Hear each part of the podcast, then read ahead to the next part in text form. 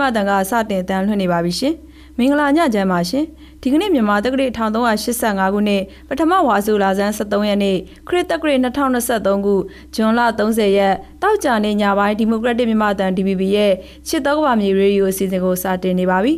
DBB ရဲ့ညပိုင်းတန်လွင့်အစီအစဉ်တွေကိုမြန်မာစံတော်ချိန်ည9:00နာရီကနေ9:00နာရီခွဲထိလိုင်းတို73မီတာကီလိုဟတ်2143ညကနေထုတ်လွှင့်ပေးနေတာပါ ဒီကနေ့ညပိုင်းနားဆင်ရမယ့်သတင်းတွေကသတင်းကောင်းစီတချို့ကိုဖူးအီအီနွယ်ကဖတ်ကြားပေးမှာပါဟုတ်ကဲ့ပါဒီကနေ့မှာတော့စစ်တွေကမုံတိုင်းတန်တင်ပြည်သူတွေအသမွေးဝမ်းကြောင်းလုပ်ငန်းတွေပြန်စတင်နိုင်ဖို့အခက်အခဲကြုံတွေ့နေရတဲ့တဲ့မိုးခါမုံတိုင်းတင်ရခိုင်လေသမားတွေမျိုးစပါးနဲ့ဓာတ်မြေဩဇာအကူအညီလိုအပ်နေတဲ့တဲ့နဲ့အမေရိကန်မှာအပူလိုင်းကြောင့်လူ18ဦးသေဆုံးခဲ့တဲ့တဲ့တွေကိုနားဆင်ရဖို့ရှိပါတယ်ရှင်။ ဒီသတင်းတွေပြီးမှတော့မြေချောင်းတင်ကောတာကတော့သူကများတော့အဖြစ်တစ်တော်ပြုံးတိမှုနဲ့တစ်တော်ပျက်စီးမှုတွေကြောင့်ဖြစ်လာရခြင်းဖြစ်တယ်ပေါ့နော်မြေချောင်းတွေတိမ်ကောသွားရတဲ့အဓိကအကြောင်းနဲ့တဘာဝပတ်ဝန်းကျင်ပေါ်တက်ရောက်မှုနဲ့ပတ်သက်ပြီးရှမ်းတဘာဝပတ်ဝန်းကျင်ထိန်းသိမ်းရေးအဖွဲ့တာဝန်ခံစိုင်းခေးဆိုင်နဲ့ဆက်သွယ်မေးမြန်းချက်ကိုနားဆင်ရဖို့ရှိပါတယ်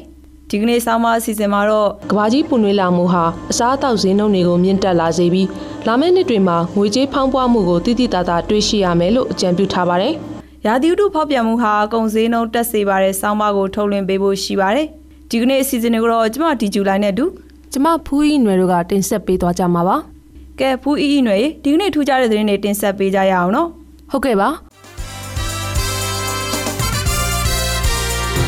မိုခါဆိုင်ကလုန်းမုန်တိုင်းတန်ခံရတဲ့ရခိုင်ပြည်နယ်မှာနေအိမ်တွေအခြေခံအဆောက်အုံတွေသာမကစီးပွားရေးလုပ်ငန်းတွေနဲ့အသက်မွေးဝမ်းကြောင်းလုပ်ငန်းတွေပါပျက်စီးဆုံးရှုံးခဲ့ရလို့ ဒေသခံတွေဟာဝင်ငွေရတဲ့အလုပ်တွေပြန်လုပ်နိုင်ဖို့အခက်အခဲကြုံတွေ့နေရပါတယ်။ရခိုင်ပြည်နယ်မြို့တော်စစ်တွေမှာလေပြင်းနဲ့မုန်တိုင်းတီရီတွေရိုက်ခတ်မှုကြောင့်ဒေသခံတွေရဲ့ငါးဖမ်းဆက်လေတွေနှိမ့်မြုပ်ဆုံးရှုံးတာကျွန်းတော်တရိတ်ဆန်တွေတေဆုံးတာနဲ့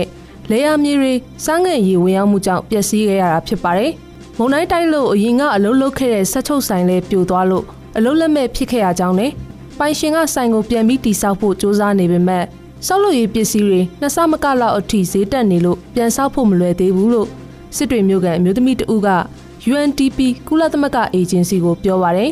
စစ်တွေမှာမုံနိုင်အလွန်ကာလအစားအသောက်ဈေးနှုန်းတွေကအစမတန်ကိုဈေးတက်သွားလို့သားသမီးတွေကိုထမင်းကျွေးမွေးဖို့တောင်ခက်ခဲနေတယ်လို့လည်းပြောပါတယ်မုံနိုင်တိုက်ခတ်မှုကြောင့်ရခိုင်ပြည်နယ်မှာလူပေါင်း1.6တန်းခန့်လောက်ထိခိုက်ခဲ့ရတာဖြစ်ပြီးလူမျိုးရေးနိုင်ငံရေးစစ်ရေးပြည်ခါတွေကြောင့် မြန်မာပြည်ရဲ့ဒုတိယဆင်းရဲမွဲတေမှုအများဆုံးပြည်နယ်ဖြစ်တဲ့ရခိုင်ပြည်နယ်မှာပြည်လဲထူထောင်ရေးအတွက်လိုအပ်ချက်တွေကြီးကြီးမားမားရှိနေတာပါ UNDP အနေနဲ့ရရွာလူလူတွေအများဆုံးပြည်လဲထူထောင်လာစေနိုင်မှုနဲ့အသက်မွေးဝမ်းကြောင်းလုပ်ငန်းတွေပြည်လဲတည်ဆောက်နိုင်မှုပံ့ပိုးကူညီရေးကိုအာယုံစိုက်လှုပ်ဆောင်နေတယ်လို့ပြောပါတယ်ငါးဖမ်းသူတွေနဲ့လယ်သမားတွေလုပ်ငန်းပြန်လည်စတင်နိုင်ဖို့ပံ့ပိုးကူညီပေးတာအသေးစားလုပ်ငန်းတွေကိုကူညီပေးတာ အမျိုးသမီးတွေတန်းတူညီအလုပ်အကိုင်အခွင့်အလမ်းတွေရရှိစေဖို့လှုံ့ဆော်ပေးတဲ့အစီအစဉ်တွေလုပ်နေတယ်လို့လည်းဆိုပါတယ်။မုံတိုင်းတန်ခံရသူတွေအတွက်ပြည်လဲထူထောင်ရေးလမ်းစာဟာရှေ့လျားမှာဖြစ်ပေမဲ့ပြည်သူတွေရဲ့လက်တလောအရေးကြီးလိုအပ်ချက်တွေကိုဖြည့်ဆည်းပေးဖို့အသင့်ပဲလို့ UNDP ဌာနေကိုယ်စားလှယ်တိုင်တိုမီထရာကပြောပါတယ်။ဒေသခံတွေရဲ့အသက်မွေးဝမ်းကြောင်းလုပ်ငန်းတွေကိုတက်နိုင်သမျှအမြန်ဆုံးပြန်လည်တည်ထောင်နိုင်အောင်ကူညီပေးသွားမယ်။ဒါမှသာသူတို့အနေနဲ့တည်ငြိမ်တဲ့ဝင်ငွေရပြီးနောက်အနာဂတ်ဘေးအန္တရာယ်ကျလာခဲ့ရင် ခန္ဓာရည်ရှိရှိရင်ဆိုင်ကျော်လွှားသွားနိုင်မှာပါလို့လည်းပြောပါရယ်မြန်မာနိုင်ငံရုပ်ရှင်ဂီတသဘင်ဟာတာအစည်းအရုံးနဲ့အိုစတာဘောလုံးသမားဟောင်းများအဖွဲ့တို့ကရခိုင်ပြည်နယ်မူခါမုန်တိုင်းတန်တင်ပြည်သူတွေအတွက်ကြက်သိန်း1322သိန်းနဲ့စားနပ်ရိက္ခာတွေလူရန်ခဲ့ပါတယ်။ဒါအပြင်မိုးခါရမုံငွေဘောလုံးတင်းတာဝန်ရှိသူတွေကလည်းကြက်သိန်း950နဲ့စားတောက်ဖွဲ့ရာတွေအသီးသီးလူရန်ခဲ့ပါတယ်။အဆိုပါလူငွေတွေကိုဇွန်လ28ရက်နေ့ကစစ်တွေမျိုးစီလာရောက်ပြီးရခိုင်ပြည်နယ်စစ်ကောင်စီထံလွှဲပြောင်းလူရန်ခဲ့ကြောင်းသိရပါတယ်။ ယခုလူဒန်းငွေတွေဟာပြီးခဲ့တဲ့ဇွန်လ2ရက်နေ့ကနေ4ရက်နေ့အထိရန်ကုန်မြို့ရှိအမျိုးသားစက်ရုံမှာပြုလုပ်ခဲ့တဲ့မိုခါမုံတိုင်းတန်တင်ပြည်သူတွေအတွက်ရန်မုံငွေဖျော်ဖြေပွဲမှာရရှိလာတဲ့အလူငွေတွေဖြစ်ပါတယ်။အလားတူမြန်မာနိုင်ငံလက်ရွေးစင်ဘောလုံးသမားဟောင်းနဲ့အမှုပညာရှင်များစုပေါင်းတဲ့အလူငွေတွေဟာလည်းဇွန်လ16ရက်နဲ့18ရက်နေ့ကရန်ကုန်မြို့ရှိသူနာအားကစားကွင်းမှာပြုလုပ်ခဲ့တဲ့မိုခါမုံတိုင်းတင်ပြည်သူတွေအတွက်ရန်မုံငွေဘောလုံးပွဲမှာရရှိခဲ့တဲ့အလူငွေတွေဖြစ်ကြောင်းသိရပါတယ်။မိုခါဆိုင်ကလုန်းမုန်တိုင်းတန်တင်ရခိုင်ပြည်သူတွေအတွက် မုံတိုင်းနောက်ဆက်တွဲပြန်လည်နေရာချထားရေးကူညီနိုင်ဖို့ရခိုင်အမျိုးသားဒီမိုကရက်တစ်ပါတီ ANDP ဂျပန်ကနေတဆင့်လူသားချင်းစာနာမှုအလှူငွေစုစုပေါင်း2တန်း3သိန်း5360ရန်လူရန်ခဲ့ကြောင်း ANDP ဂျပန်ကထုတ်ပြန်ပါတယ်။မမုန်တိုင်းကြောင့်အပျက်စီးအများဆုံးဖြစ်တဲ့ရသေးတောင်ပုံနာကျွန်းနဲ့ကြောက်တော်မြို့နယ်ရှိနယ်မြေ၅ခုကိုရွေးချယ်ပြီးမြန်မာကျပ်ငွေ300ကိုဒေသခံလူမှုအဖွဲ့တစ်ဖွဲ့ကနေတဆင့်လှူဒန်းခဲ့တာလို့ဆိုပါတယ်။ ရခိုင်ပြည်နယ်စစ်တွေမြို့နယ်နဲ့ကြောက်တော်မြို့နယ်ရှိတောက်သုံးရေလိုအပ်တဲ့နေရာတွေကိုကုလသမဂ္ဂအဖွဲ့အစည်းတွေနဲ့မြန်မာနိုင်ငံကြက်ချင်နေတင်းတို့ကတောက်သုံးရေဆက်လက်ဖြန့်ဝေပေးနေတယ်လို့သိရပါတယ်။ဒါအပြင်ပုံနှကျုံမြို့နယ်မှာလည်းဒေသခံပြည်သူတွေအတွက်တကိုးရေးတန်ရှင်းရေးသုံးပစ္စည်းတွေစက်ပြတောက်တွေလည်းကူညီပေးနေတယ်လို့ကြက်ချင်နေတင်းကထုတ်ပြန်ပါတယ်။စိုက်ကလုန်းမိုခါတိုက်ခတ်တာကြောင့်ခိုင်ပြည်နယ်အနှံ့ရှိရေရင်းမြစ်400ထက်မနည်း ပင်လယ်ရေနဲ့ရွှွနေဝင်ရောက်တာကြောင့်ညဉ့်ညမ်းပျက်စီးခဲ့ရပြီးဒေသခံတွေဟာအသက်ရှင်ရပ်တည်ဖို့တခြားရွေးချယ်စရာမရှိလို့တန်ရှင်းမှုမရှိတဲ့ညစ်ပတ်သောရေတွေကိုတောက်သုံးနေကြရတာဖြစ်ပါတယ်။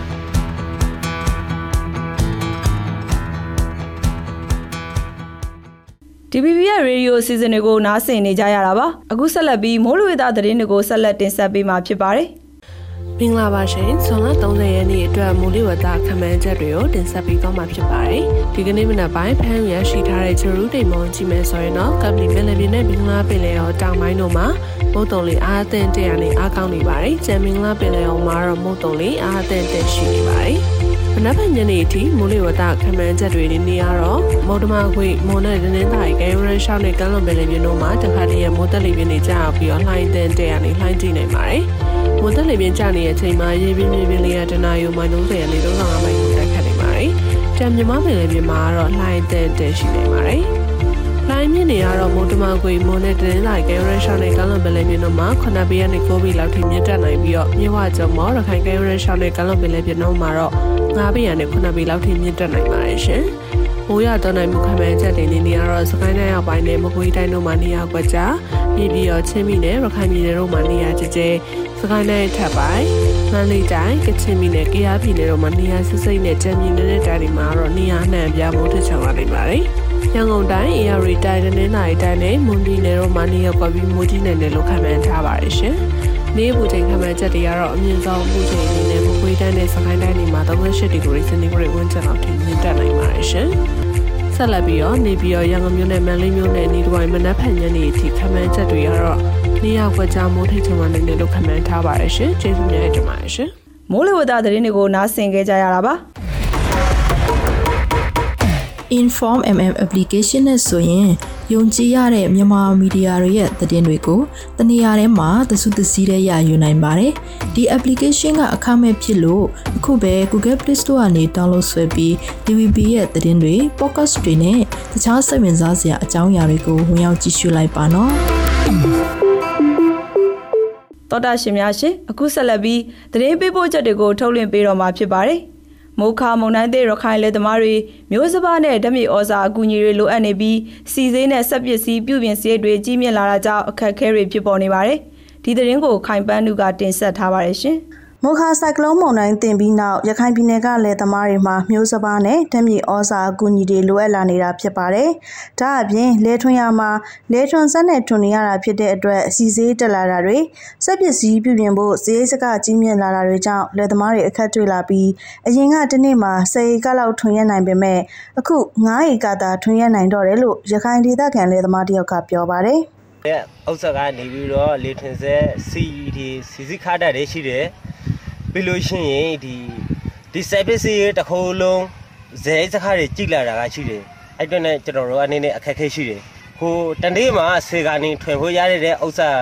နေပြီးတော့ငှက်ကနေပဲထွင်ရတယ်ဘာဖြစ်လဲဆိုတော့ဆေကစီစီကခက်တယ်ပြီးလို့ရှိရင်စက်တစ်ခုခုရှယ်ဝင်ရှိရင်လေအခက်ခဲဖြစ်လာတယ်ပြီးလို့ရှိရင်ကျွန်တော်တို့မြို့စပါထုံးမဲ့ဥစ္စာကနေပြီးတော့ကျွန်တော်တို့ဒီလေရဲ့လုတ်တဲ့ဥစ္စာမှနေပြီးတော့မြေဩဇာရောဝင်လာတယ် ဒီမျိုးစပါးရတော့နေပြီးတော့အခက်အခဲဖြစ်လာတယ်ကျွန်တော်မှထားရမယ့်ဥစ္စာကဟိုနေပေါ့နော်ဘာဖြစ်လဲဆိုတော့ဒီဒီလေကိုလှုပ်တဲ့ဥစ္စာမှာမျိုးစပါးကဆေတော့လို့လို့ရှိရင်ကျွန်တော်9000ဝယ်ထားနိုင်တယ်ဘာဖြစ်လဲဆိုတော့စဝဲနေအတွက်အဆင်မပြေလာလို့ပါခင်ဗျ ရခိုင်ဒေသအတွက်မျိုးစပါးတွေကိုစစ်ကောင်စီကဇွန်လ24ရက်နေ့ကစတင်ပြီးဈေးမျှပေးစနစ်နဲ့ရောင်းချပေးသွားမယ်လို့ရခိုင်ပြည်နယ်စစ်ကောင်စီအဖွဲ့ပြောခွင့်ရသူပြည်နယ်ဥပဒေချုပ်ဦးလာသိန်းကထုတ်ဖော်ပြောဆိုထားပါတယ်။ဒီမှာတော့မိုခါမုံတိုင်းအဓိကပြင်းပြင်းထန်ထန်ဝင်ရောက်ခဲ့ကြတဲ့ရသေးတောင်စစ်တွေပုံနာကျွန်းပေါတောစတဲ့မြို့နယ်တွေကလည်းသမားတွေကိုထွေအုပ်နဲ့မြေစင်းရင်းကစင်းနေရဆိုရင်မျိုးစပါးတွေဖြန့်ဝေပေးနေကြောင်းပြည်နယ်စိုက်ပျိုးရေးဦးစီးဌာနကနေသိရပါတယ်။ ထွေအုပ်နဲ့မြေစင်းဌာနတွေရဲ့စင်းတွေမှာမပါဝင်တဲ့ဒေသကလယ်သမားတွေမှာမျိုးစဘာမရှိကြတဲ့အတွက်အခက်တွေ့နေတယ်လို့လယ်သမားတွေကပြောပါတယ်။မျိုးစဘာကဝမ်းစာမလုံလောက်တဲ့အတွက်မျိုးစဘာအပြည့်အဝမထားနိုင်ပါဘူး။ဘာဖြစ်လို့လဲဆိုတော့စားဝတ်နေရေးအဆင်ပြေတာကြောင့်ပါ။ဒေသမားတွေကိုစာနာထောက်ထားမှုပေးစေချင်ပါတယ်။မျိုးစဘာပဲဖြစ်ဖြစ်ဓာတ်မြေဩဇာပဲဖြစ်ဖြစ်ကူညီပေးဖို့တောင်းဆိုချင်ပါတယ်။နောက်ပြီးမူကာမုန်တိုင်းအဓိကဝင်ရောက်ခဲ့တဲ့ရသေးတောင်စစ်တွေပုံနာကျွန်းပေါတုံးမြို့နယ်တွေမှာဒေသမားတွေကို ထွေအုပ်နဲ့မြေစင်းဌာနကမျိုးစဘာတွေချက်ပြီးပြီးတော့စင်းမှပါတဲ့ဒေသမားတွေကမျိုးစဘာမရလို့အခက်တွေ့နေကြပါတယ်။လက်ရှိရခိုင်ဒေသကိုတော့စပားမျိုးကားအစီး80ကျော်ဆင်းလာနေပြီးတော့စိုက်ပျိုးရေးကတအေကကိုမျိုးတန့်မျိုးစပားတည်င်းခွဲနဲ့ဒုတိယမျိုးတန့်ကိုတော့တအေကကိုတည်င်းဖြန့်ဝေနေပေမဲ့အထွေထွေအုပ်ချုပ်ရေးနဲ့မြေစင်းဦးစီးဌာနမှစည်ရင်မပါတဲ့တောင်သူတွေမှာတော့မျိုးစပားလုံးဝမရရှိပဲအခက်အခဲဖြစ်ပေါ်နေပါတယ်။ မိုခါမုန်တိုင်းတဲ့ရခိုင်လေသမားတွေမျိုးစဘာနဲ့ဓမြဩဇာအကူအညီတွေလိုအပ်နေတဲ့အကြောင်းနားဆင်ကြကြရတာပါ။ ဘာဝဘေးသတင်းတွေပြန်လည်ထူထောင်ရေးနဲ့ကုညီကယ်ဆယ်ရေးနဲ့ဆိုင်တဲ့အကြောင်းအရာတွေကိုထုတ်လွှင့်ပေးနေတဲ့ဒီမိုကရက်တစ်မြန်မာအသံ DVB ရဲ့ချစ်တော်ကဘာမြေရေဒီယိုအတန်လွှင့်အထူးအစီအစဉ်ကိုစတင်ထုတ်လွှင့်ပေးနေပါပြီ။ဒီအစီအစဉ်ကိုမြန်မာစံတော်ချိန်ည9:00နာရီကနေ9:00နာရီခွဲအထိလိုင်းတူ73မီတာ kHz 11843ညကနေဖမ်းယူနားဆင်နေတဲ့အကြောင်းအတိပေးကြေညာအပ်ပါတယ်ခင်ဗျာ။ ဒီမိုကရက်တစ်မြန်မာအသံ DVB ကဆက်လက်အသံလွှင့်နေပါတယ်။အခုဆက်လက်ပြီးတဘာဝပတ်ဝန်းကျင်နဲ့သက်ဆိုင်တဲ့နောက်ဆုံးရနိုင်ငံတကာသတင်းတွေကိုဇွဲသစ်ကတင်ဆက်ပေးမှာဖြစ်ပါတယ်။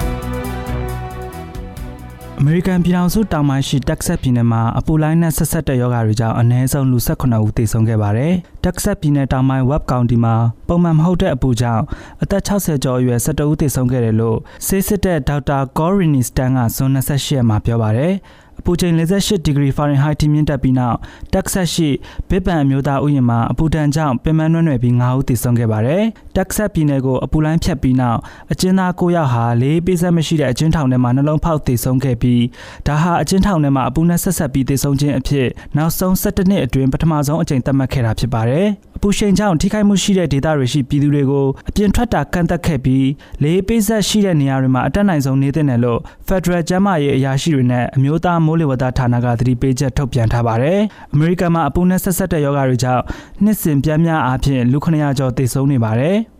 စပိန်နိုင်ငံရဲ့ပထမဆုံးသောနွေရာသီအပူလိုင်းအတွင်းအပူချိန်ဟာ44ဒီဂရီစင်တီဂရိတ်ထိမြင့်တက်ခဲ့ပြီးမက်ဒရစ်၊ကော့တိုဘာနဲ့ဆီလ်ဘီမြို့တွေမှာအနည်းအောင်သတိပေးချက်ထုတ်ပြန်ခဲ့ပါတယ်။နိုင်ငံရဲ့မြို့တော်မက်ဒရစ်မှာအခုခါမှာအပူချိန်40ဒီဂရီစင်တီဂရိတ်ကျော်နဲ့ပူလောင်လွန်းလာတာကြောင့်လူတိုင်းအတွက်နေ့စဉ်လူနေမှုဘဝမှာတိမခံနိုင်လောက်အောင်အပူချိန်မြင့်နေတာပါ။ကမ်းခြေမရှိတဲ့မြို့တော်မက်ဒရစ်မှာမြို့ကန်တွေဟာအများပြည်သူရေကန်တွေဝါတာချက်လိုဖိအားမြင့်ရေရှိန်ပြင်းကိရိယာတွေရှိတဲ့မက်ဒရစ်ရီယိုကရေပန်းဥယျာဉ်တွေစီတွားရောက်ပြီးအပူရှောင်အေးခုနေကြရပါတယ်။အခုလိုပြင်းထန်တဲ့အပူရှိန်ကာလမှာဒီလိုအများပြည်သူဆိုင်ရာပံ့ပိုးမှုတွေမရှိမဖြစ်လိုအပ်တယ်လို့ဒေသခံတွေကပြောပါတယ်။အပူလိုင်းတွေမကြာခဏတိုက်ခတ်လာပြီးနိုင်ငံတွင်းမှာအပူဒဏ်ကိုပိုပြီးကြကြကြုံတွေ့ခံစားနေရတာကြောင့်အပြင်ဘက်မှာဆိုလာပြားတက်ဆင်ပြီးချိတ်ဆက်သုံးဆွဲရတဲ့ USB ပန်ကာတွေဟာအခုခါမျိုးရင်းရှိကုန်တိုက်တွေမှာရေပန်းအစားဆုံးကုန်ပစ္စည်းတစ်ခုဖြစ်တယ်လို့လည်းဆိုကြပါတယ်။စပိန်နိုင်ငံမှာအပူလိုင်းကြောင့်ရေပြတ်တောက်မှုတွေဖြစ်ပေါ်ခဲ့ပြီးကောက်ပဲသီးနှံတွေမွေးမြူရေးတရိษံတွေ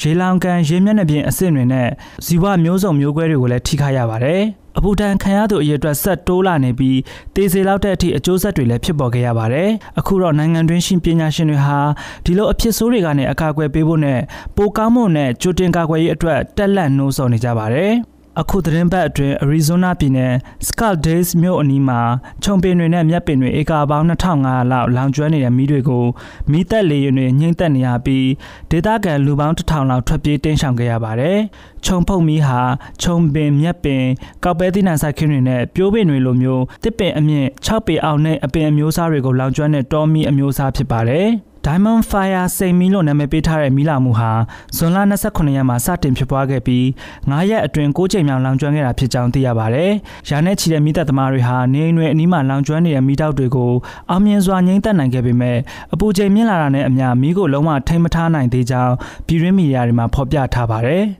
ဘင်္ဂလားဒေ့ရှ်နိုင်ငံမှာဇွန်လအတွင်းသွေးလွန်တုပ်ကွေးရောဂါဖြစ်ပွားသူ9932ဦးတွေ့ရှိခဲ့ပြီး34ဦးသေဆုံးခဲ့တယ်လို့ဇွန်28ရက်မှာကျန်းမာရေးဝန်ကြီးဌာနကထုတ်ပြန်ခဲ့ပါတယ်။ဘင်္ဂလားဒေ့ရှ်နိုင်ငံမှာဇွန်28ရက်တရက်ထဲသွေးလွန်တုပ်ကွေးရောဂါဖြစ်ပွားသူ145ဦးရှိခဲ့ပြီး2ဦးသေဆုံးခဲ့ပါတယ်။ကျန်းမာရေးဝန်ဆောင်ညွှန်ကြားရေးဦးစီးဌာနကထုတ်ပြန်တဲ့စာရင်းအရအခုနှစ်အတွင်းသွေးလွန်တုပ်ကွေးဖြစ်ပွားသူ9954ဦးရှိခဲ့ပြီးသေဆုံးသူ46ဦးရှိခဲ့ပါတယ်။ ဘင်္ဂလားဒေ့ရှ်အစိုးရဟာ AIDS အမျိုးအစားချင်းမျိုးစိတ်ရောဂါဖြစ်ပွားမှုကိုထိန်းချုပ်နိုင်ဖို့ညှိနှိုင်းဆောင်ရွက်တာတွေပုံမပြုလုပ်တင်တယ်လို့ပြည်내အေဂျင်စီကိုတောင်းဆိုထားပါတယ်။ဘင်္ဂလားဒေ့ရှ်မှာသွေးလွန်တုပ်ကွေးရောဂါဖြစ်ပွားသူသီးသသာမြင့်တက်လာပြီးမြို့တော်ဒါကာမှာဖြစ်ပွားမှုအများဆုံးဖြစ်ပါတယ်။ဇွန်လမှစက်တင်ဘာလအတွင်းကြာရောက်မဲ့မုတ်တုံရာသီဟာဘင်္ဂလားဒေ့ရှ်နိုင်ငံမှာသွေးလွန်တုပ်ကွေးဖြစ်ပွားတဲ့ရာသီဖြစ်ပြီးချင်းကနေကူးတဲ့ရောဂါတွေဖြစ်ပွားနိုင်ခြင်းမြင့်မားတဲ့နိုင်ငံအဖြစ်သတ်မှတ်ထားပါတယ်။ ချီလီအာဂျင်တီးနားနယ်စပ်မှာမိုးသည်ထွန်ဆောင်ရသွင်းပြီးနှင်းမုန်တိုင်းတွေတိုက်ခတ်မှုကြောင့်နှစ်နိုင်ငံဆက်သွယ်ထားတဲ့လမ်းတွေပျက်စီးပြီးဇွန်28ရက်မှာချီလင်အာဂျင်တီးနားနယ်စပ်အနီးကုန်တင်ထရက်ကားထောင်ပေါင်းများစွာတောင်တင်နေပါတယ်။ရမောင်းတွေဟာနယ်စပ်ဖြတ်ကျော်ဂိတ်တွေပြန်ဖွင့်ခြင်းကိုစောင့်ဆိုင်းနေတာကြောင့်လမ်းဘေးမှာလော်ရီကားတာဇင်ပေါင်းများစွာရထားတာကို drone ရိုက်ချက်နဲ့မြင်တွေ့ခဲ့ရပါတယ်။ရမောင်းတချို့ဟာအဲ့ဒီနေရာမှာရပ်ပေါင်းများစွာတောင်တင်နေခဲ့တာပါ။ဒေတာတွင်းသတင်းတွေအရချီလီဘက်ချမ်းမှာနယ်စပ်ဖြတ်ကျော်ဖို့စောင့်ဆိုင်းနေတဲ့ကုန်တင်ကားအစီးရေ2000လောက်ရှိကြောင်းသိရပါတယ်။ဒေသဆိုင်ရာအာဏာပိုင်တွေကတော့နောက်ထပ်9ရက်လောက်ဒါမျိုးဖြစ်နေအောင်မလို့ယူဆနေကြပါတယ်။ချီလီနိုင်ငံမှာပြီးခဲ့တဲ့သတင်းပတ်ကလေးကမိုးတဲထန်စွာရွာသွန်းခဲ့တာကြောင့်ဒေသအများပြားပျက်စီးခဲ့ပြီးရွှတ်မြေတွေရွေလန်းခံရတဲ့ရွာတွေရင်းနှင်းမြုပ်ကုန်တဲ့အိမ်တွေနဲ့လမ်းတွေဖြစ်ကြံခဲ့ပါတယ်။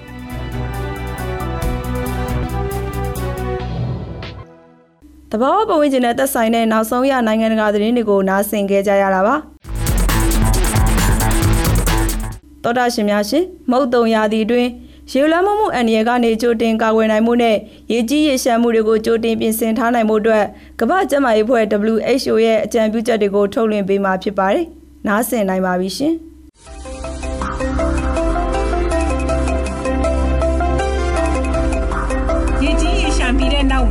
ရေကြောင့်ဖြစ်တတ်တဲ့ယောဂါတွေကတော့ဥယောင်ငန်းဖျားဖျားယောဂါနဲ့ leptospirosis ယောဂါငှက်ဖျားသွေးလွန်တုပ်ကွေးကဲ့သို့သောခြင်မသဆင့်ကူးစက်တဲ့ယောဂါတွေဖြစ်နိုင်ခြင်းများပါတယ်။ ဒီကင်းဆွေဖို့အတွက်အောက်ပါအကြံပြုချက်တွေကိုလိုက်နာသင့်ပါတယ်။ဒီကင်းနဲ့အရင်အမြစ်ကရရှိလာတဲ့ရေကိုတော့တောက်သုံးပါ။တူလောင်ထားတဲ့ရေကိုအသုံးမပြုခင်လက်တန့်ရှင်းရေကိုဂရုစိုက်ပါ။အစားအစာတွေကိုကောင်းမွန်စွာချက်ပြုတ်ပြီးစိတ်ချရတဲ့အပူချိန်မှာသိမ်းဆဲပါ။အစားအသောက်အညစ်အကြေးတွေကိုစနစ်တကျအစွန့်ပစ်ပါ။အစာမစားခင်နဲ့အိမ်သာတက်ပြီးတဲ့နောက်မှာလက်ကိုစင်ကြဲစွာဆေးကြောပါရေကြီးတွေရှာနေတဲ့ညီထဲမှာကလေးငယ်တွေလမ်းလျှောက်ခြင်းစော့ကစားခြင်းကိုတားဆီးပါကျင်ပေါက်ဖွားမှုမရှိစေဖို့အတွက်ပတ်ဝန်းကျင်ကိုတန့်ရှင်းစွာထားပြီးရေမဝအောင်ဆောင်ရွက်ပါ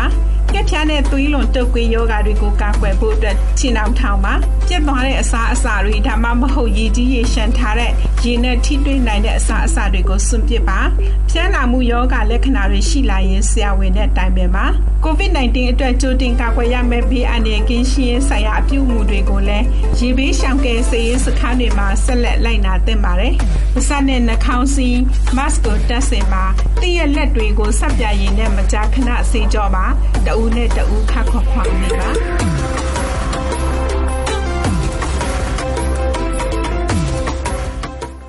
ရေလွှမ်းမှုမှုအန္တရာယ်ကြိုတင်ကာကွယ်အကြံပြုချက်တွေကိုထုတ်လွှင့်ပေးခဲ့တာပါတော်ရရှင်များရှင် DPP ရဲ့ချစ်တော်ကဘာမြေရေဒီယိုအစီအစဉ်ကိုနားဆင်နေကြရတာပါအခုဆက်လက်ပြီးဆက်သွယ်မေးမြန်းချက်ကိုထုတ်လွှင့်ပေးပါမယ်ဒီကနေ့ဆက်သွယ်မေးမြန်းချက်အစီအစဉ်မှာတော့မြေချောင်းတွေတိမ်ခေါ်သွားရတဲ့အဓိကအကြောင်းနဲ့တဘာဝပတ်ဝန်းကျင်ပေါ်တက်ရောက်မှုနဲ့ပတ်သက်ပြီးရှမ်းတဘာဝပတ်ဝန်းကျင်ထိန်းသိမ်းရေးအဖွဲ့တာဝန်ခံစိုင်းခေးဆိုင်ကိုဆက်သွယ်မေးမြန်းထားပါတယ်နားဆင်နိုင်ပါပြီရှင်။ ဒီမြစ်ချောင်းတွေတိမ်ကောသွားရတဲ့အဓိကအကြောင်းရင်းကရောဘာတွေရှိမလဲရှင့်အကြီးမားဆုံးကတော့တစ်တော်ပြုံးတိမှုကအလွန်အကျွံဖြစ်တာပေါ့တစ်တော်ထုံးလုံးသွားပြီဆိုလို့ရှိရင်ဂျန်တဲ့အကိုင်းအစားအတစ်အလေးတွေကသူကရေချောင်းလေးပြန်ကြီးကြလာလေအဲ့ဒီဟာတွေကမြစ်ချောင်းတွေကိုပိတ်ပြီးတော့သူကတင်ကောရကျိုးမြောင်ပြီးမှကရေနှုတ်မြောင်းရေလွှဲမြောင်းတို့ကပြန်ဆယ်တာမရှိဘူးဒီတိုင်းပဲထားထားတာရှိနေတယ်ဒါကြောင့်မို့သူကမြစ်ချောင်းတွေကအဲအနေတစ်စင်တင်ကောတာတွေစီမံကိန်းကရှိချင်းရှိမှာပေါ့ဒါပေမဲ့အလုတ်လုတ်မှုအပေါ်မှာမူတည်ပြီးတော့ချောင်းတွေမြောင်းတွေပြန်ဆယ်တာကတော့မတွေ့ရဘူးဗျာရေကလာဆောက်လုပ်မှုအလွန်များပြားခြင်းကအဲ့ဒါကလည်းသူကချောင်းမြောင်းကိုတင်ကောစေတယ်ပေါ့နော်အာနောက်တစ်ခုကအမိတ်ပြစ်ချတာတော်တော်များများကြတော့ကျွန်တော်တို့အမိုက်ပြစ်တဲ့စနစ်ဘယ်လိုပြရပြီးဘယ်လိုတင်းရမလဲဘယ်မှာရောင်းနိုင်မလဲဆိုတဲ့ဟာကြတော့စနစ်တကျခွဲခြားပြီးတော့လှုပ်ဆောင်ထားခြင်းမရှိဘူးမရှိတဲ့အချိန်ကြောင့်ကျန်တဲ့အလုံးအနေတွေရောခြံရှင်းတာကအစတို့အကုန်လုံးကရေချောင်းထဲမှာပြစ်ချလိုက်တဲ့အချိန်ကြောင့်ဒီချောင်းတွေတင်ကောရခြင်းဖြစ်တယ်အဲ့လိုမျိုးဖြစ်လာလို့ရှိရင်ရေကြီးရေရှာမှုကတူအဖြစ်များတာဖြစ်များတာကတူအတိတော့ပြုံးတိမှုနဲ့ပြန်ပြီးတက်ဆိုင်တယ်ပေါ့နော်ရေကြီးတဲ့ခါကျတော့အရန်ကြီးပြီးတော့တူကနှုံနေနစ်တွေပါလာရေရှာမှုတွေဖြစ်လာတဲ့အချိန်ကြောင့်အလုံးအနေတွေအားလုံးကရေကျရတဲ့အချိန်မှာချောင်းထဲမှာပဲပြန်သွားပြီးတောင်တင်နေတယ်ဒီနေရာဒီရောက်တဲ့အချိန်ကျတော့တူကရေကကြာကျတော့တဲတောင်ဖုံးလွှမ်းမှုနဲ့ဒီအမိုက်တွေကအစပေါ့အဲအဲ့ဒီဟာအားလုံးကတော့တူကမြစ်ချောင်းကိုပြန်ပြီးတော့တင်စီတယ်အားလုံးကတူကမြစ်ချောင်းတင်ကောစီတဲ့အတိကအရင်းမြစ်တွေဖြစ်တာပေါ့ဟုတ်ကဲ့ပါရှင်ဒီမြစ်ချောင်းတွေတိမ်ကောလာတဲ့ခါမှာပေါ့နော်တဘာဝပတ်ဝန်းကျင်တဲ့လူတွေပေါ်မှာဘယ်လိုတက်ရောက်မှုတွေရှိနိုင်မလဲရှင်အမြစ်ချောင်းကတော့တဘာဝအတိုင်းဆိုလို့ရှိရင်တော့သူကရေကြီးတဲ့အချိန်မှာသူကအားလုံးကထိန်းနိုင်တယ်ပေါ့ဗျာတစ်ပင်ကစသူကရေစီးမှုကိုသူကထိန်းတဲ့အချိန်ကျတော့ရေတင်ခေါ်မှုကမဖြစ်ဘူးပေါ့ဒါပေမဲ့ရေတင်ခေါ်မှုဖြစ်လာတဲ့အချိန်ကျတော့သူကအာရေခမ်းလွယ်တယ်ပြီးတော့ရေကြီးလဲလွယ်တယ်မုတ်ခေါင်ရေရှားမှုနဲ့ဖြစ်ရတာလွယ်တယ်မြစ်ချောင်းတင်ကောတာကတော့သူကများတော့အဖြစ်တစ်တော်ပြုံးတိမှုနဲ့တစ်တော်ပျက်စီးမှုတွေကြောင့်ဖြစ်လာရခြင်းဖြစ်တယ်ပေါ့နော်ပြီးတော့ရေခရာတွေကသူကဆောက်လုပ်တာများလာတယ်များလာတဲ့အချိန်ကျတော့သူကရေပိတ်ရေလွတ်မှုနဲ့အရေထိမ့်မှုကသူကရှိလာတယ်ဒီရေခရာမဆောက်ခင်တစ်တော်ပြုံးတိမှုကများတဲ့အချိန်ကျတော့ဒါအတိကတဘာဝပတ်ဝန်းကျင်ထိခိုက်မှုတွေအဲ့လိုမျိုးဖြစ်လာတယ်ဒါတွေနဲ့ဆက်ဆက်ထဲဖြစ်လာတဲ့အချိန်ကျတော့အတိကစိုက်ပျိုးရေးမှာကြတော့လဲသူကစိုက်ခင်းတွေထိတယ်စိုက်ခင်းတွေထိတဲ့အချိန်ကျတော့သူကမစိုက်ခင်ကမိုးတိတ်မရွာတဲ့အချိန်ကျတော့ရေကဘယ်နေရာယူလို့မရတာရာတီကြော်လွန်မှုဖြစ်တယ်အဲကြောင့်မို့သူကအဲ့ဒီကနေအစဖြစ်လာတာပေါ့နော်စိုက်ပြီးတော့မိုးရွာဒါရေကြီးတာရေရှာတာပြန်ဖြစ်လာတဲ့အချိန်ကျတော့ဒီချောင်းတင်ကောမှုကဒီတဘာဝပတ်ဝန်းကျင်တစ်ခုတည်းတော့မဟုတ်ပေါ့လူရဲ့စာဝတ်နေရေးနဲ့စိုက်ပျိုးရေးပါ သူကထိခိုက်လာတယ်ပေါ့နော်အဲအဲ့ဒါတွေကသူကအဓိကအရင်းမြစ်တွေဖြစ်တယ်ပေါ့ဒီမြစ်တွေချောင်းတွေရေရှည်တဘာဝအတိုင်းစစ်စင်းနိုင်စေဖို့အတွက်ပေါ့နော်ပြည်သူတွေကိုပါတွေတိုက်တွန်းအကြံပြုချင်ပါလဲရှင်ရေရှည်စီးဖို့အတွက်ကတော့အားလုံးနဲ့တက်ဆိုင်တာပေါ့ရေလာတဲ့လမ်းကြောင်းတွေတည်တော်ဖြုံးတိမှုနေရာတွေပေါ့အဲ့ဒီနေရာတွေကကျွန်တော်တို့တစ်ပင်တွေပြန်စိုက်ပြီးတော့ပြန်လဲထိမ့်သိမ်းလို့ရှိရင်တော့ဒါတခုကောင်းတာပေါ့လေ နှစ်ရှည်ပင်တွေအဲအဲ့ဒါတွေလည်းစိုက်လို့ရတယ်ထို့တူရေကိုထိမ့်ညှိစေတဲ့အကြီးလုံးမြန်ပြီးတော့မှသူကဟိုရေကိုထိမ့်ညှိစေတဲ့ဥမာမက်စလီတို့လိုမျိုးဘော့စကိုင်းတို့လိုမျိုးအဲအဲ့လိုမျိုးပုံစံတွေကိုကလည်းသူကအစိုက်လို့ရတယ်ပေါ့နော်ခုခုပင်တွေလိုမျိုးအဲလိုမျိုးအဲတော့ကျွန်တော်တို့ကဒီအဖို့တန်တစ်တွေကိုပဲဦးစားပေးမယ်ဆိုလို့ရှိရင်တော့အဖို့တန်တစ်ဆိုတာကသူကအများဆုံးအခုစိုက်နေတဲ့ဟာတွေပေါ့ဗျာရှစ်နှစ်ကြာရင်ကြာမယ်ရှစ်နှစ်ကြာလို့ရှိရင်တော့တစ်ခါတစ်ခါပြန်ပြီးတော့ခုတ်ရောင်းရမယ်ဆိုတော့နောက်ထပ်ရှင်းနှစ်အတွက်ကသူကစောင့်နေရအောင်မယ်ခုတ်ထားတဲ့ဟာတွေလည်းရှိတယ်ဆိုတော့ဒါကျွန်တော်တို့တကယ်တဘာဝပတ်ဝန်းကျင်နဲ့တကယ်ဒီရေကြီးရေရှာမှုတွေကိုပိတ်နိုင်တဲ့ဟာတွေမဟုတ်ဘူးပေါ့ဒါကြောင့်သူကအစီအစဉ်နဲ့တကွဒီနေ့က အာတရားဆိုင်မယ်ဆိုလို့ရှိရင်နောက်နှစ်200အဲ့လိုမျိုးကြတော့သူကတစ်နှစ်နည်းနည်းစီသူကထုတ်ရောင်းလို့ရတယ်အဲအဲ့လိုမျိုးပုံစံကိုကျွန်တော်တို့အာစနစ်တကျလုပ်မယ်ဆိုလို့ရှိရင်ဒါတမျိုးကောင်းတာပေါ့ထို့အတူဥမာတရက်တီးလို့လိုမျိုးတခြားပိနေတီးလို့သူကယောနောပြီးတော့စိုက်ရင်တော့ပိုကောင်းတယ်ပေါ့ထို့အတူဥမာမက်စလီတို့ကိုကိုတို့ဆိုရင်လူမတိတ်ဆိတ်ဝင်စားအဲ့ဒါတွေကလည်းသူကယောနောပြီးတော့မှ စိုက်ရင်တော့ပိုကောင်းတယ်ပေါ့ဘာဖြစ်လဲဆိုတော့အဲ့ဒါတွေကတခြားဟာတွေခုတ်ရင်အဲ့ဒါတွေမခုတ်ဘူးဗျမခုတ်ဘူးပေါ့ဗျာအဲ့လိုမျိုးပြန်လုပ်မယ်ဆိုလို့ရှိရင်တော့ဒါကိုယ့်ရဲ့ရက်ရွာကိုယ့်ရဲ့ဒေသမှာဒီဧရိယာမှာအာကျွန်တော်တို့တော်တော်များများကိုထိန်းညှိနိုင်မယ်ထို့တူတိမ်ကောနေတဲ့နေရာတွေဆိုလို့ရှိရင်လည်းကျွန်တော်တို့ရေနှုတ်မြောင်းတို့ရေလွှဲမြောင်းတို့လှုပ်ထားရင်တော့ပိုကောင်းတာပေါ့မြေချောင်းတွေတိမ်ကောသွားရတဲ့အဓိကအကြောင်းနဲ့တဘာဝပတ်ဝန်းကျင်ပေါ်တက်ရောက်မှုနဲ့ပတ်သက်တဲ့ဆက်သွယ်မေးမြန်းချက်ကိုနားဆင်ကြကြရတာပါ DBB Radio အစီအစဉ်တွေကိုနားဆင်နေကြရတာပါတောတာရှင်များရှင်အခုဆက်လက်ပြီးစောင်းမအစီအစဉ်ကိုထုတ်လွှင့်ပေးပါမယ်ဒီကနေ့မှာတော့စောင်းမရှင်လီလီရေးသားထားတဲ့ရာသီဥတုဖောက်ပြန်မှုဟာကုံစင်းနှုံတက်စေပါတယ်ဆိုတဲ့စောင်းပါကိုထုတ်လွှင့်ပေးမှာဖြစ်ပါတယ်ဖူးအီအီနွယ်ကဖတ်ကြားပေးထားပါတယ်နားဆင်နိုင်ပါပြီရှင်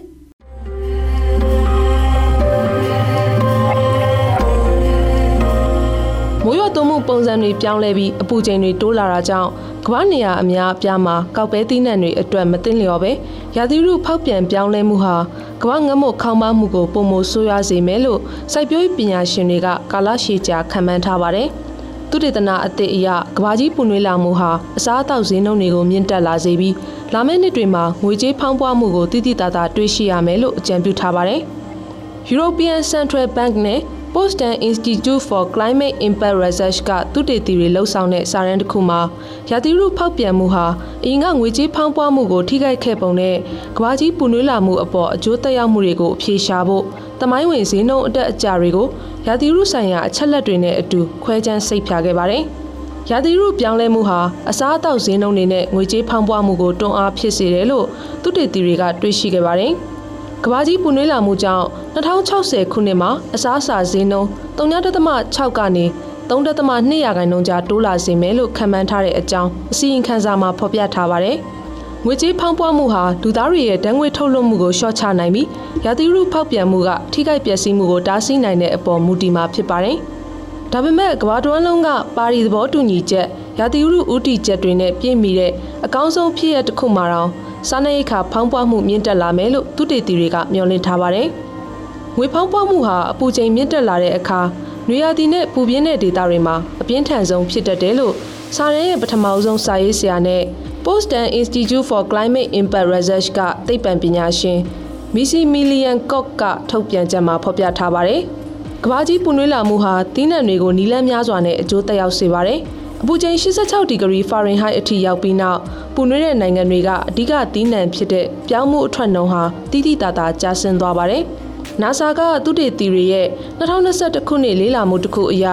ရာစုနှစ်အကုန်မှာကမ္ဘာပြောင်းမှုအထွက်နှုန်း24ရာခိုင်နှုန်းကျဆင်းသွားနိုင်တယ်လို့တွေ့ရှိခဲ့ပါတယ်။တရိษံအစာအတွက်အများစုအသုံးပြုတဲ့ဆန်နဲ့ပဲဘီဆက်တွေကအထွက်နှုန်းကျဆင်းသွားပေမဲ့တိတိတသာတော့မဟုတ်ဘူးလို့သဘောပတ်ဝန်းကျင်ကာကွယ်ရေးရန်ပုံငွေအဖွဲ့ကအစီရင်ခံစာတစ်ခုအရသိရပါတယ်။ စင်းရဲတဲ့နိုင်ငံတွေကဈေးနှုန်းကြီးမြင့်မှုရဲ့တက်ရောက်မှုကိုပုံမခံစားရနိုင်ပေမဲ့နိုင်ငံအလုံးဟာရာသီဥတုလောင်စာကြောင့်ငွေကြေးဖောင်းပွားမှုတန်ကိုခံရလိမ့်မယ်လို့သူတေသီတွေကပြောကြားခဲ့ပါတယ်။ရာစုနှစ်တစ်ခုကျော်အတွင်းငွေကြေးဖောင်းပွားမှုဟာဓာတ်ငွေထုတ်လွှတ်မှုလျှော့ချနိုင်တဲ့အကောင်းဆုံးအခြေအနေမှာအမေရိကန်အစားအစာဈေးနှုန်းတွေဟာ3.4ရာခိုင်နှုန်းကနေ2.6ရာခိုင်နှုန်းအထိတိုးလာမယ်လို့ခန့်မှန်းထားပါတယ်။ဓာတ်ငွေထုတ်လွှတ်မှုမြင့်မားတဲ့အခြေအနေမှာတော့ ငွေကြေးဖောင်းပွားမှုတက်ရောက်မှုဟာ2035ခုနှစ်မှာ3.3ရာခိုင်နှုန်းအထိမြင့်မားနိုင်ပြီး2060ခုနှစ်မှာ9ရာခိုင်နှုန်းအထိရှိနိုင်ပါတယ်။မက်ဆီမီလီယန်ကော့စ်ကစီးပွားရေးကြာဆင်းမှုစစ်ပွဲတွေနဲ့မူဝါဒစတဲ့အခြားအကြောင်းအရာတွေကတက်ရောက်မှုတွေဟာအမှန်တကယ်အနာဂတ်ငွေကြေးဖောင်းပွားမှုနှုန်းကိုကွဲပြားသွားစေတယ်ဆိုပေမဲ့ဒီချက်တွေဟာကဘာကြီးပူနွေးလာမှုကိုအခြေခံပြီးဖြစ်လာမဲ့ငွေဖောင်းပွားမှုဖိအားပမာဏတွေပါလို့ပြောပါတယ်။ COVID-19 ကပ်ရောဂါမဖြစ်ခင်ဆယ်စုနှစ်နှစ်ခုအတွင်းအမေရိကန်စားတောက်ကုန်စည်းနှုန်းတွေဟာတစ်နှစ်ကို200ခိုင်နှုန်းကနေ300ခိုင်နှုန်းခန့်အထိမြင့်တက်ခဲ့ပေမဲ့နှစ်စဉ်အစားအစာငွေကြေးဖောင်းပွားမှုဟာ2022နွေရာသီက17ရာခိုင်နှုန်းအထိမြင့်တက်ခဲ့ပါတယ်။ဥရောပသမဂ္ဂမှာရာသီဥတုဖောက်ပြန်မှုဟာစားနပ်ရိက္ခာကုန်ကျစရိတ်ကိုတွန်းအားပေးနေပြီလို့သူတေသီတွေကတွေ့ရှိခဲ့ပါတယ်။ပြီးခဲ့တဲ့နွေရာသီမှာထက်ခါတလဲလဲအပူလိုင်းတွေက တိုက်ကြီးရဲ့မြစ်တွေကိုခန်းချောက်စေပြီးအဓိကသင်္ဘောလမ်းကြောင်းတွေနဲ့လယ်မြေတွေကိုပျက်စီးစေပါတယ်။ယူကရိန်းမှာရုရှားရဲ့စစ်ပွဲကြောင့်ဂျုံဈေးတက်တဲ့တစ်ချိန်တည်းမှာပဲဥရောပမှာတီးနှံပျက်စီးမှုတွေဖြစ်ပေါ်ခဲ့ပါတယ်။ရာသီဥတုလွန်ကဲမှုကြောင့်ဥရောပအစားအစာဈေးနှုန်းတွေဟာ3.6ခွန်ရာခိုင်နှုန်းအထိတက်လာခဲ့တာကိုသူတေသီတွေကတွေ့ရှိခဲ့ပါတယ်။အီတလီမှာလည်းခောက်ဆွဲဈေးတွေမြင့်တက်လာတာကြောင့်ခောက်ဆွဲဈေးမြင့်တက်လာပါတယ်။ ဥရောပက2020နွေရာသီရဲ့အပူလွန်ကဲမှုဟာအပူနဲ့မိုးခေါင်မှုပေါင်းဆက်ပြီးစိုက်ပျိုးရေးနဲ့စီးပွားရေးလုပ်ငန်းတွေအပေါ်ကြေကြေပြန့်ပြန့်အကျိုးသက်ရောက်စေတဲ့ထင်ရှားတဲ့ဥပမာတစ်ခုဖြစ်ပါတယ်လို့သူတေတီတွေကရေးသားဖော်ပြထားပါတယ်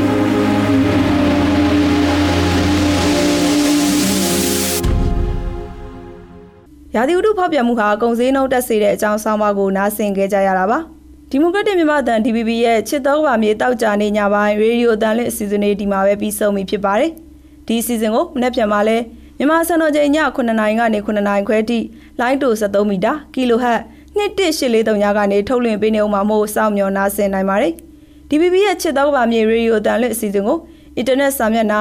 www.burmese.dvb.no website Facebook, YouTube နဲ့ DVB New Pocket Channel, Spotify, Apple နဲ့ Google တို့မှာလည်း smartphone ကနေတဆင့်နားဆင်နိုင်တဲ့အကြောင်းသတင်းကောင်းပါအပ်ပါတယ်။ဒီကနေ့စီစဉ်တွေကိုတော့ကျွန်မဒီဂျူလိုင်းနဲ့အတူဖူးအီအီနွယ်တို့ကတင်ဆက်ပေးခဲ့ကြတာပါတောတာရှင်ပေါင်းကျမ်းမာချမ်းသာကြပါစေဒီဗီဒီယိုကိုနားဆင်တဲ့အတွက်အထူးပဲကျေးဇူးတင်ရှိပါတယ်ရှင်